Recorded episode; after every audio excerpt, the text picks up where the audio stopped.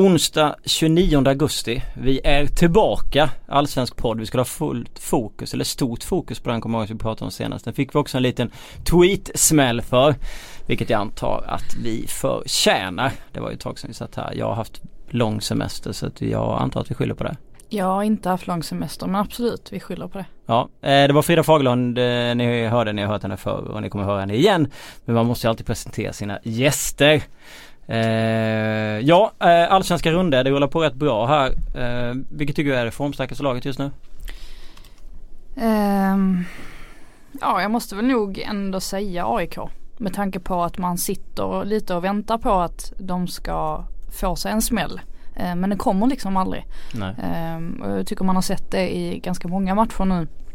Särskilt på sistone att de kan ligga ganska långt ifrån sin högsta nivå och ändå vinna oerhört bekvämt med, eh, ja, med 2-0, 3-0 eh, eh, och så vidare. Och det säger lite grann. Dessutom så kom jag på det för några vecka sedan också att de här spelarna från, från våren som var så himla viktiga, ja, som Rasmus Lindqvist och eh, Robert Lundström när de liksom var på varsin kant och så. Eh, kom ju på det att dels så har ju Lundström, det var ju ganska länge sedan eh, mm. han tyvärr försvann då på grund av sin korsbandsskada och Lindqvist har ju inte varit med sedan omstarten på grund av en höftskada. Eh, och det har liksom ändå inte riktigt märkts. Nej. Trots att eh, båda de har varit borta och det visar ju också vilken otrolig bredd som AIK har att de trots de här skadeavbräcken som de ändå har drabbats av under hela säsongen så är det ändå ingenting som har påverkat dem märkbart. Nej. Vilket jag tycker visar att eh, de förmodligen är den starkaste klubben just nu med, med Hammarby tätt där bakom. Det såg vi ju ganska tidigt på säsongen också. Att de åkte på rätt mycket skador. De klarade sig bra ändå även om det blev lite för mycket mot Norrköping hemma var det väl den här matchen som mm. slutade 3-3. Där Linkvist för övrigt räddade poäng. Ja precis. Eh, men förutom det så, eh, så köper jag eh, allt du säger. Eh, rakt igenom. Det var väl bara den lilla, den lilla biten och det sa väl Rickard Norling också att det var väl då han kände att det var lite svårt när vissa backar fick spela på positioner de inte riktigt var, var vana vid att vända sig mot vid inlägg från olika kanter. Och så vidare. Eh, men, men, om, man tittar på den senaste omgången. Du var tittade på Djurgården-Elfsborg. Jag mm. såg Elfsborg omgången innan och tyckte att de hade Eh, tendenser till eh, hyfsad fotboll. Eh, och jag var ju ner och tittade på dem mot, eh, mot eh, Hammarby hemma och då tyckte jag väl att eh, det här kanske kunde bli okej okay ändå liksom. Mot Djurgården sprattade de ändå till ganska bra, ju rätt bra fotbollsmatch eller? Jo det gjorde de men jag tycker ändå man kommer tillbaks till att Djurgården kändes som ett lag som inte har självförtroende just nu överhuvudtaget. Det är mycket det här att um, det var ganska lågt uh, tempo. Mm. Uh, många gånger när en spelare fick bollen så istället för att ösa på framåt så valde man att uh, riskminimera och spela hem bollen istället igen. Jag tycker det blir oerhört tydligt då att uh, självförtroendet inte är på topp i, i laget och det är ju inte förrän Elfsborg har fått in två mål i princip som, som de faktiskt växlar upp. Ja. Eh, och jag antar att det är för att de tänker att ja, nu har vi ingenting att förlora längre. Alltså Nej. nu är det bara att köra på och försöka eh, hämta upp det här. Och de är ju tillräckligt bra för att hämta upp det också. Visst, de får en straff som eh, är ganska billig. Mm. Eh, som de nog inte skulle ha haft. Eh, men å andra sidan så, ja, jag det tyckte att det kändes att det hängde ett mål i luften i, i vilket fall som helst. Ja. Eh, och så räddar de det till slut, eller det är Kosic där som fick komma in och som räddar, räddar poängen.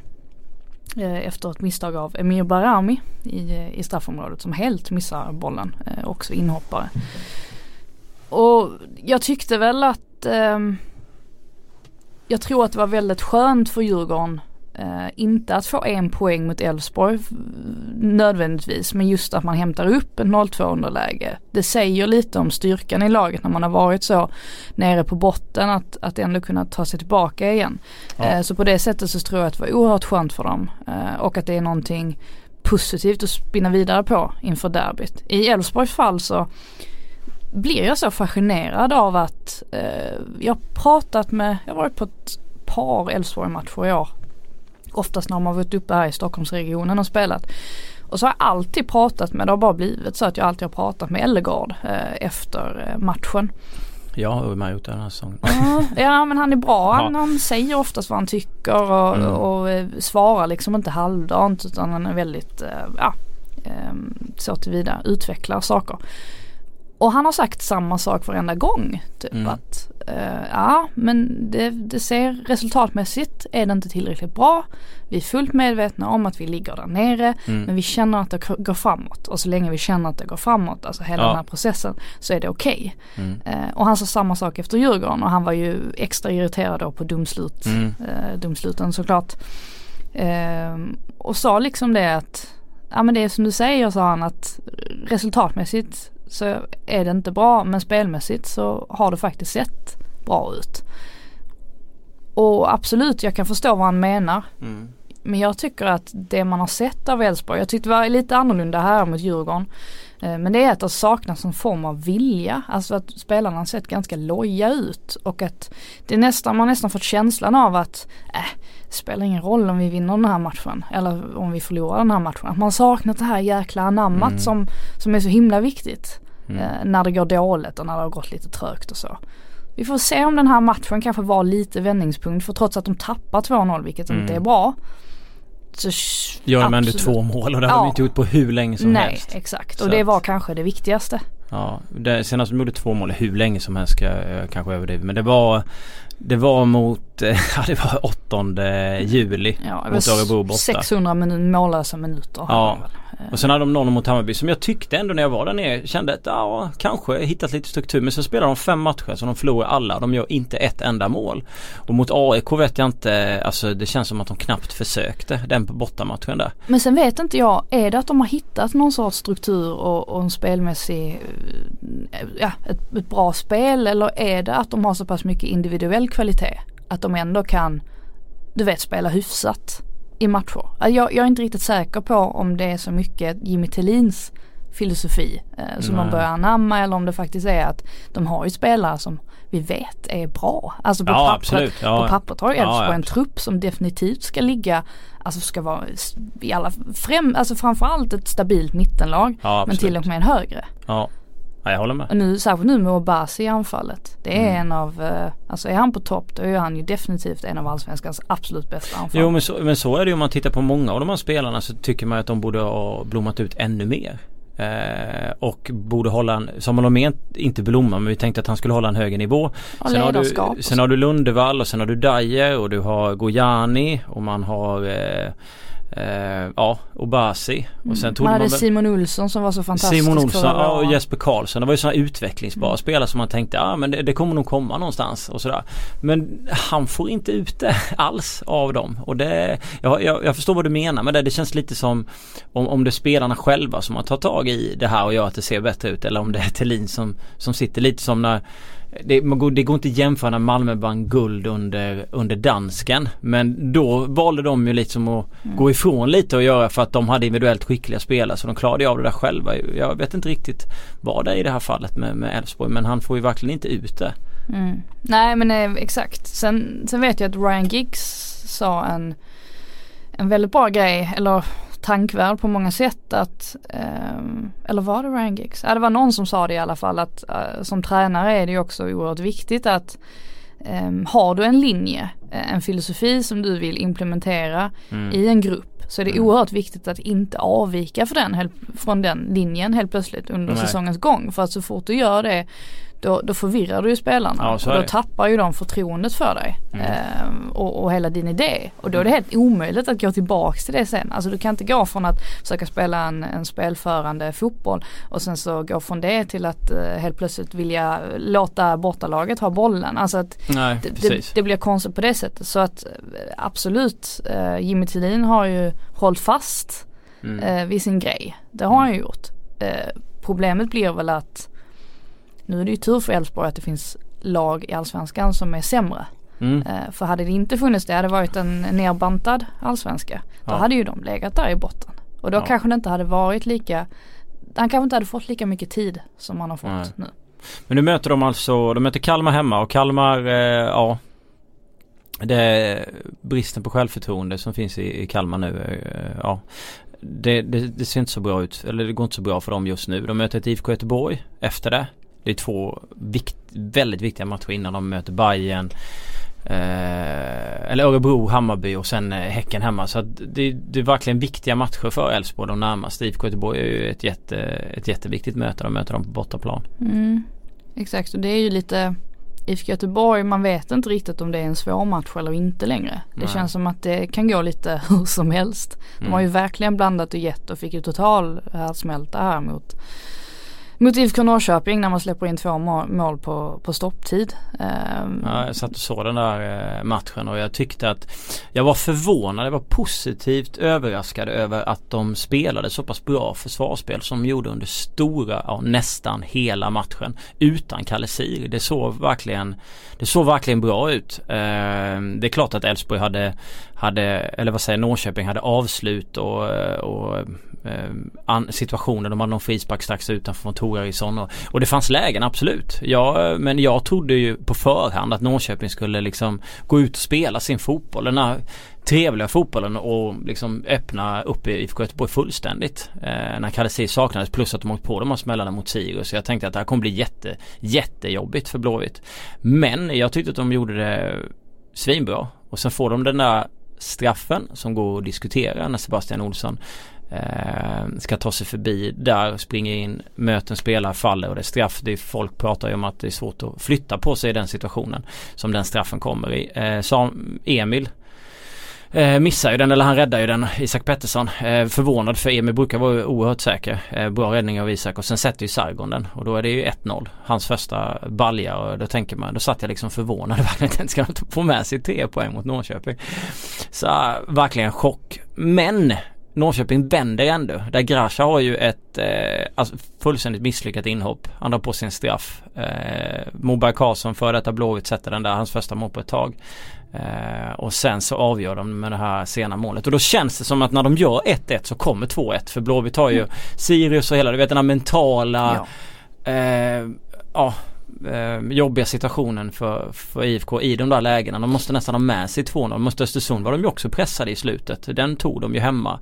Eh, Ghoddos var inte med och jag tycker att eh, det är klart att Östersund skapade målchanser men utan, utan Ghoddos hade de det jobbigt. Göteborg gjorde en bra fotbollsmatch då också men i det här läget på bortaplan när Norrköping fyller på med folk och flyttar upp Eh, och de har släppt in 1-1 så sent. Det känns som att det här mentala spöket som de har haft problem mot Sirius blir för jobbigt för dem och så släpper de in det där målet. Ja absolut, alltså jag håller med. Det är så, um, det blir ju lite en panikartad situation för att när de får in 1-0 så pass sent ändå i matchen så Mm. borde de känna att, ja men vad skönt. Vi tar det här. Härligt. Ja, ja. Alltså, ja men exakt. Men det känns inte som att de känner det riktigt. När, de får, när eh, Peking får in 1-1 då, då är det nästan som att Blåvitt känner att oj nu kommer 2-1 målet kommer också, alltså i baklängesmålet.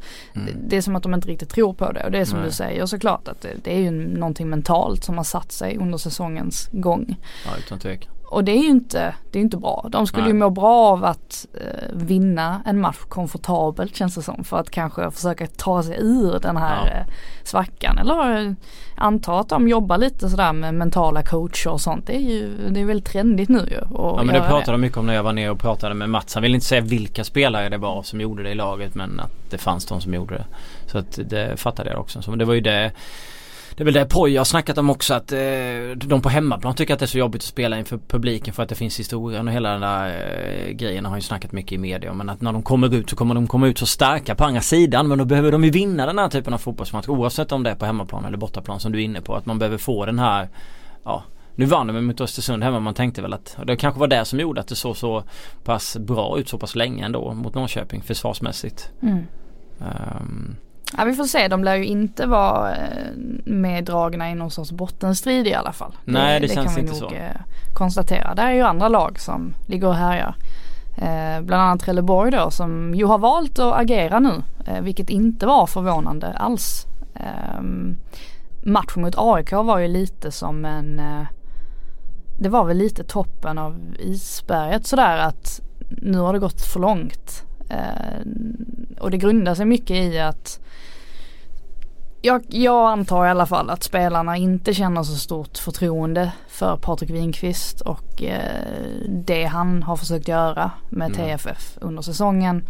Eh, jag tycker att eh, saker på presskonferenserna har hintat om det. Att det inte riktigt har funnits någon tanke kring vad, vad TFF ska göra eller att man har varit lite oense om att vilken väg TFF ska gå nu när man trots allt ligger där i botten och nu måste man ju göra någonting. Uh, och vem ringer man då? När det ser, Generalen. när, det ser, när det ser nattsvart ut. Då ringer man upp stackars Tom Prahl som får hoppa in från pensioneringen. Uh, nej, han har ju visserligen jobbat lite för landslaget nu ju uh, ja. de senaste åren. men han kommer in och, jag älskar verkligen det. Är ja, underbar. Och jag kan ju anta att det är spelar, spelarrådet som ligger bakom det här. Ja. Eh, som inte har varit riktigt nöjda. Men vi pratade ju om Winqvist, kommer ni ihåg det? Och vi tyckte inte att han skulle vara så pressad för att han hade gjort det ändå sett till materialet och kommer du inte ihåg det för några poddar sen så snackade vi om att han kanske inte, man borde inte få sparken.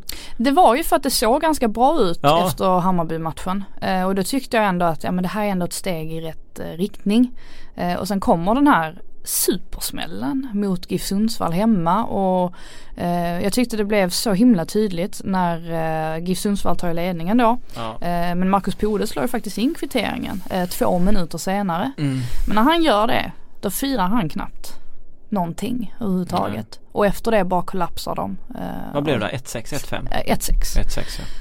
Och då kände jag att det är någonting här som inte stämmer. Mm. Eh, och eh, det har det ju inte gjort heller. Eh, det har ju funnits en, en viss um, tveksamhet gentemot Winqvist sätt att leda laget på.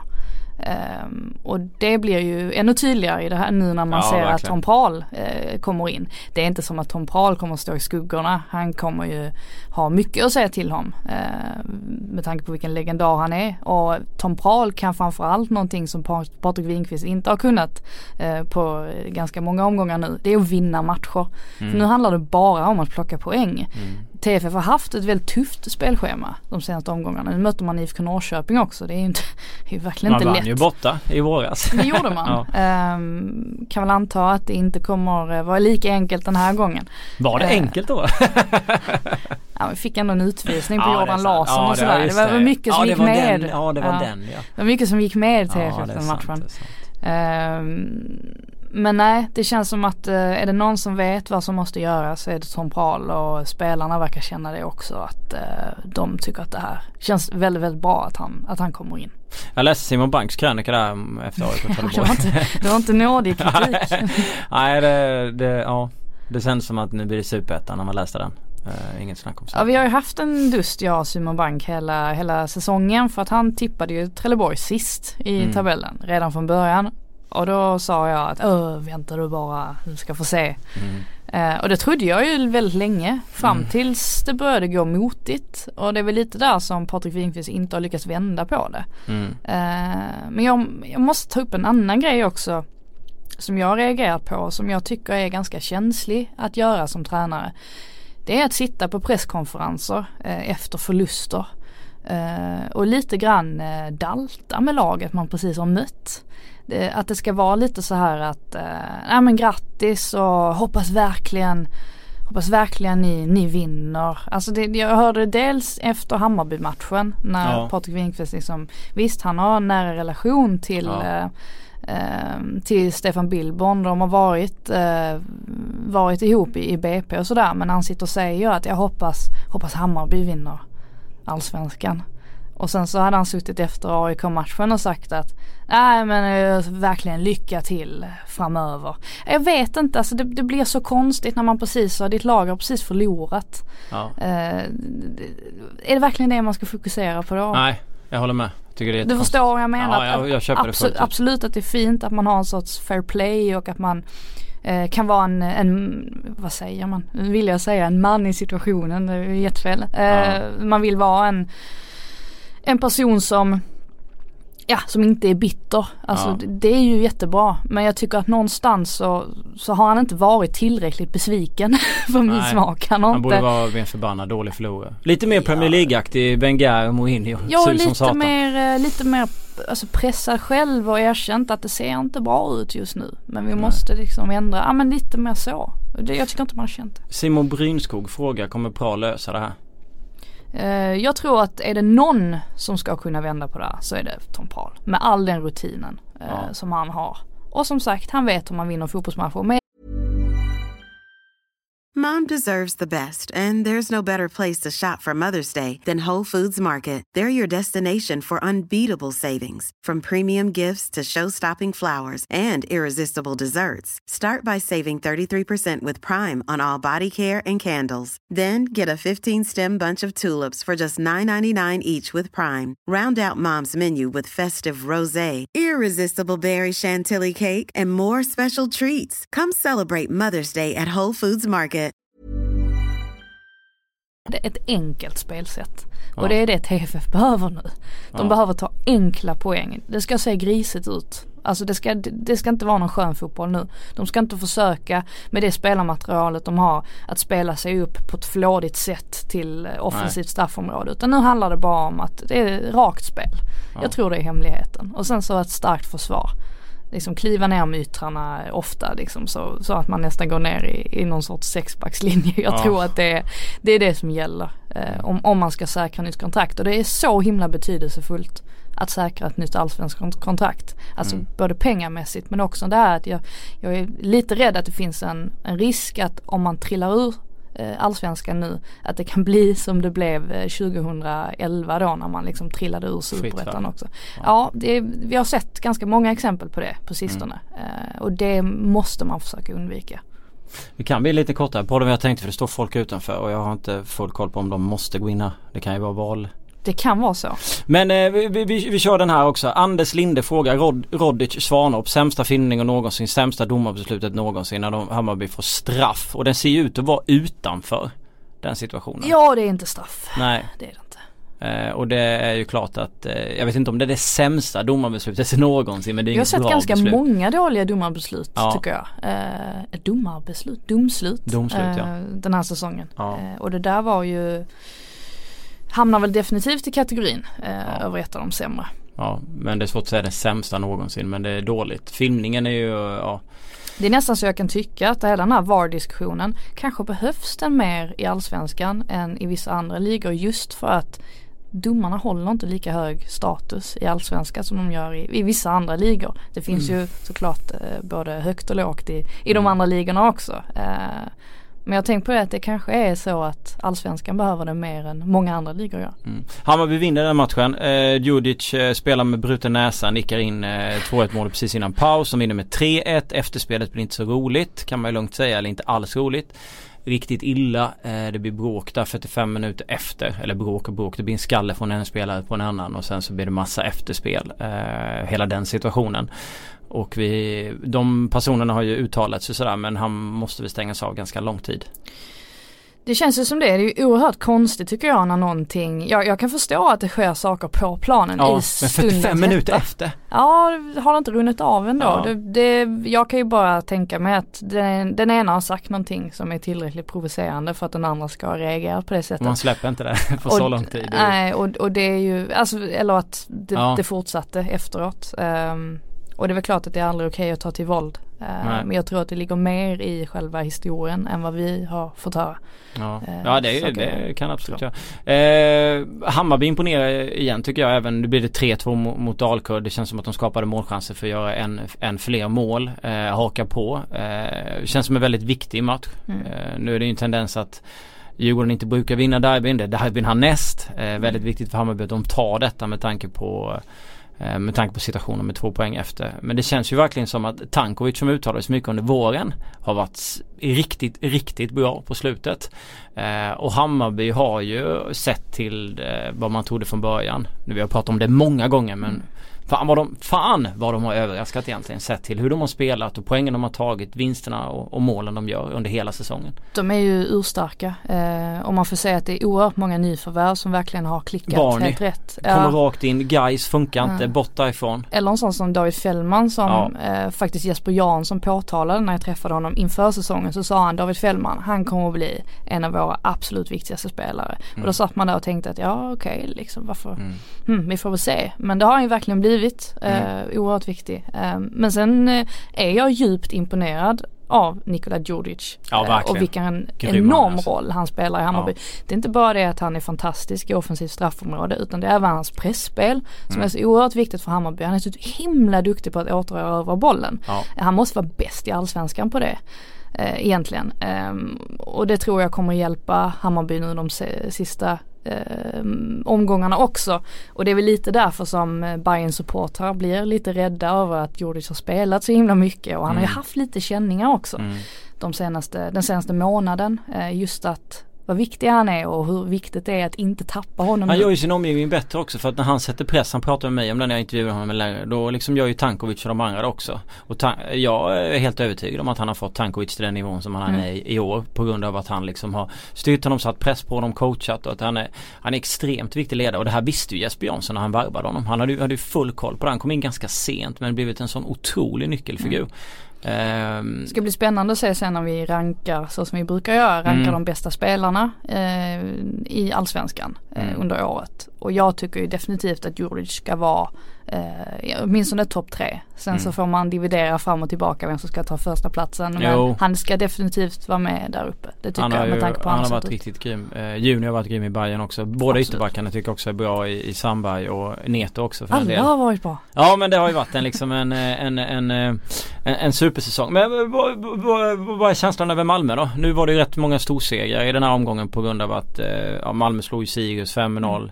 Eh, häcken slog BP 6-0. Häcken har haft en 6-0 mot BP och en 5-0 mot Djurgården. De bara Ja. öser in mål. Helt det plötsligt. kände, ja, och Paulinho- Jeremejeff Jeremejeff med ja. Eh, jag gör ju tre liksom. Eh, inte bara, eller vad han gjorde tre? Jo.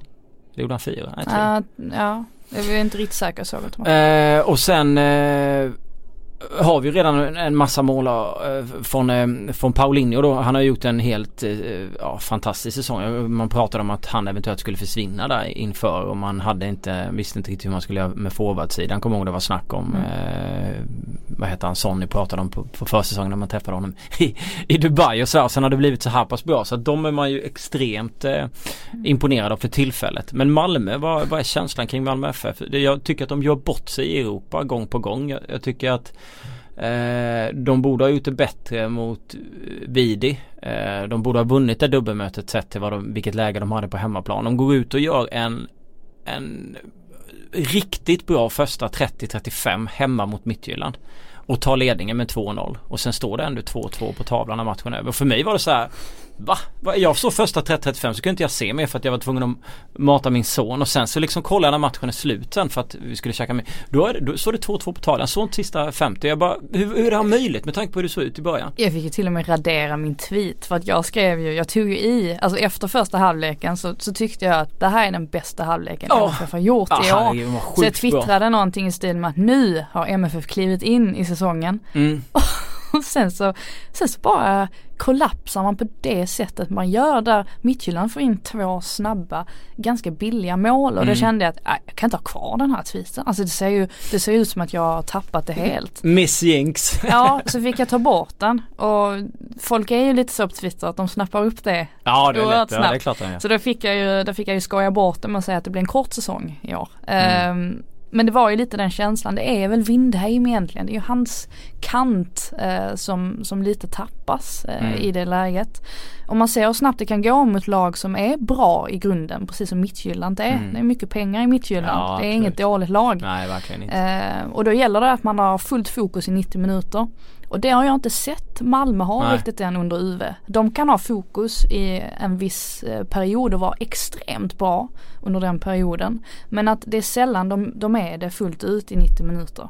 Och det, det måste man vara om man ska spela i Europa. Mm. Eh, så det ska bli oerhört intressant nu här för att jag tycker inte att det är förlorat ändå. Nej, det är det även, inte, att, men- även om de Men jag, ty, jag, tycker, mål. jag tycker de liksom eh, De kastar bort det själva för de gör bra fotboll. Jag tyckte Alltså de gör en fantastisk halvlek som du är inne på där och jag tycker att de kastar bort det läget de hade. Ja, de, om man ser till den halvlek förtjänar de ju verkligen vinna den matchen Mm. och, och sådär. Å andra sidan så får man ändå lyfta fram att UV har ju inte förlorat än i, i MFF vilket är otroligt imponerande. Mm. Eh, så vet jag inte vad det säger om kvaliteten på allsvenskan heller. Det, det kan man också diskutera. Att jag, jag tycker nästan att det är lite för... Vadå AIK har inte förlorat heller på eh, 30 matcher? Nej, nej men precis. Men, men du förstår vad jag menar. Mm. Ja, jag att lagen i botten är kanske lite för dåliga ändå för, för ligans skull. Ja. Det blir lite eh, det blir lite konstigt ibland när de vinner och tar sådana storsegrar liksom. Ja, Eh, 3-0 mot Trelleborg och sen 5-0. Det står alltså 0-0 mot Sirius i nästan en I timme, paus. ja, över en timme ja. tror jag. Och sen gör de fem sista halvtimmen och då är det Galjo i två, Mm. eh, Trausta, Antonsson och, och, Rosenberg. Ehm, Men eh, så det- jag skulle, det förvånar inte mig om Malmö hamnar på en eh, Europaplats när den här säsongen är över. Det skulle inte förvåna mig överhuvudtaget och med tanke på hur våren såg ut så måste ju det ändå ses som en otroligt bra prestation om det blir så. Eh, Absolut. Men så som de ser ut nu, så formstarka som de är så. ja. Däremot så tror jag att alltså det här snacket om SM-guld och så. Jag förstår att man fortfarande pratar om det för att det måste man göra. Det Eh, man man måste sikta. Det, det som inte känns realistiskt det är ju att både AIK och Hammarby ska börja tappa så Nej. extremt. Det, Ja. det är de tendenserna man inte ser. Nej. Och det är därför jag inte tror på SM-guld för Malmö. Det är 11 poäng upp till AIK. Då ska de alltså förlora fyra matcher. Ja, och de har inte förlorat än så länge. eh, Eller de har inte förlorat på ett år. Nej exakt. Eh, och det känns inte jättetroligt. Men att Malmö kommer klättra ännu mer i tabellen. Det de tror kan ju plocka. Norrköping det tror jag. Ja, jag, jag tror att Norrköping svajar lite för mycket. Eh, jag tycker att de, jag har sett dem göra eh, dåliga halvlekar och dåliga matcher all- alldeles för ofta. Jag tycker att de har ett, eh, har ett spännande material, ett spännande lag. Jag tycker att de borde ha en högre, högre nivå emellanåt. Men eh, liksom de har blandat de här första halvlekarna både borta mot Djurgården och, och Hammarby var det väl. De, Mm. de fick med sig någon poäng där och sen så tycker jag väl att de borde ha gjort det lite bättre i andra matcher och så. Men eh, nej, Malmö blir intressanta. De kommer de ju med det självförtroendet in mot Midtjylland. Men bara känslan, tror du de tar Går de vidare därifrån? De behöver ju liksom vinna den matchen med tanke på 2-2 hemma. tycker det är oerhört svårt. ehm, med tanke på att, jag tror att det ska, om de ska gå vidare då ska det till att man är extremt effektiva och att det finns någon spelare som kliver fram och gör det här lilla extra som Traustason Mm. eh, gjorde mot eh, Cluj, uttalar man det va? Ja. Ehm, när han får in det här, det här jätteskottet. Det måste till någon typ av individuell skicklighet utöver det vanliga för att ta sig vidare. Mm. Då tror jag det är mycket, mycket möjligt. Ehm, annars blir det tufft.